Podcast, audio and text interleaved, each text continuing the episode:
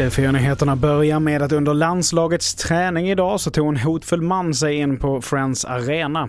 Mannen ska ha agerat hotfullt och även haft med sig några misstänkta väskor enligt polisens presstalesperson.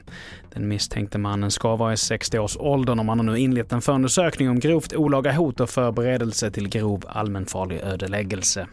Vidare till Uganda där man under gårdagen klubbade igenom ett förbud mot att identifiera sig som hbtq-person, det rapporterar CNN.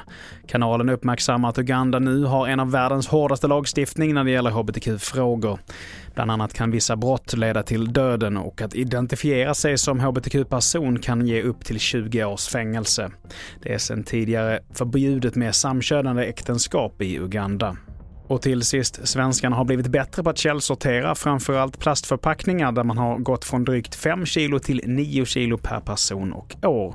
Men det krävs ännu mer för att nå målen och så här säger Mattias Philipsson som är VD på Svensk Plaståtervinning. Ja, men det betyder jättemycket. Vi har ju väldigt ambitiösa mål. Vi ska ju nå 55% återvinning av hushållsförpackningar till 2025. Men det stannar ju inte där utan vi har ju en vision om att alla plastförpackningar ska återvinnas. Fler nyheter hittar du på tv4.se. Jag heter Mattias Nord. Nordgren.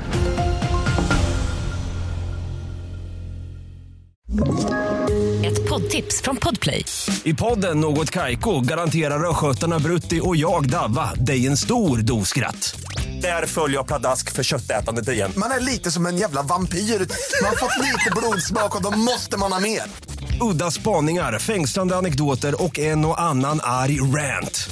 Jag måste ha mitt kaffe på morgonen för annars är jag ingen trevlig människa. Då är du ingen trevlig människa, punkt. Något Kaiko, hör du på Podplay. Därför arkadeinerna.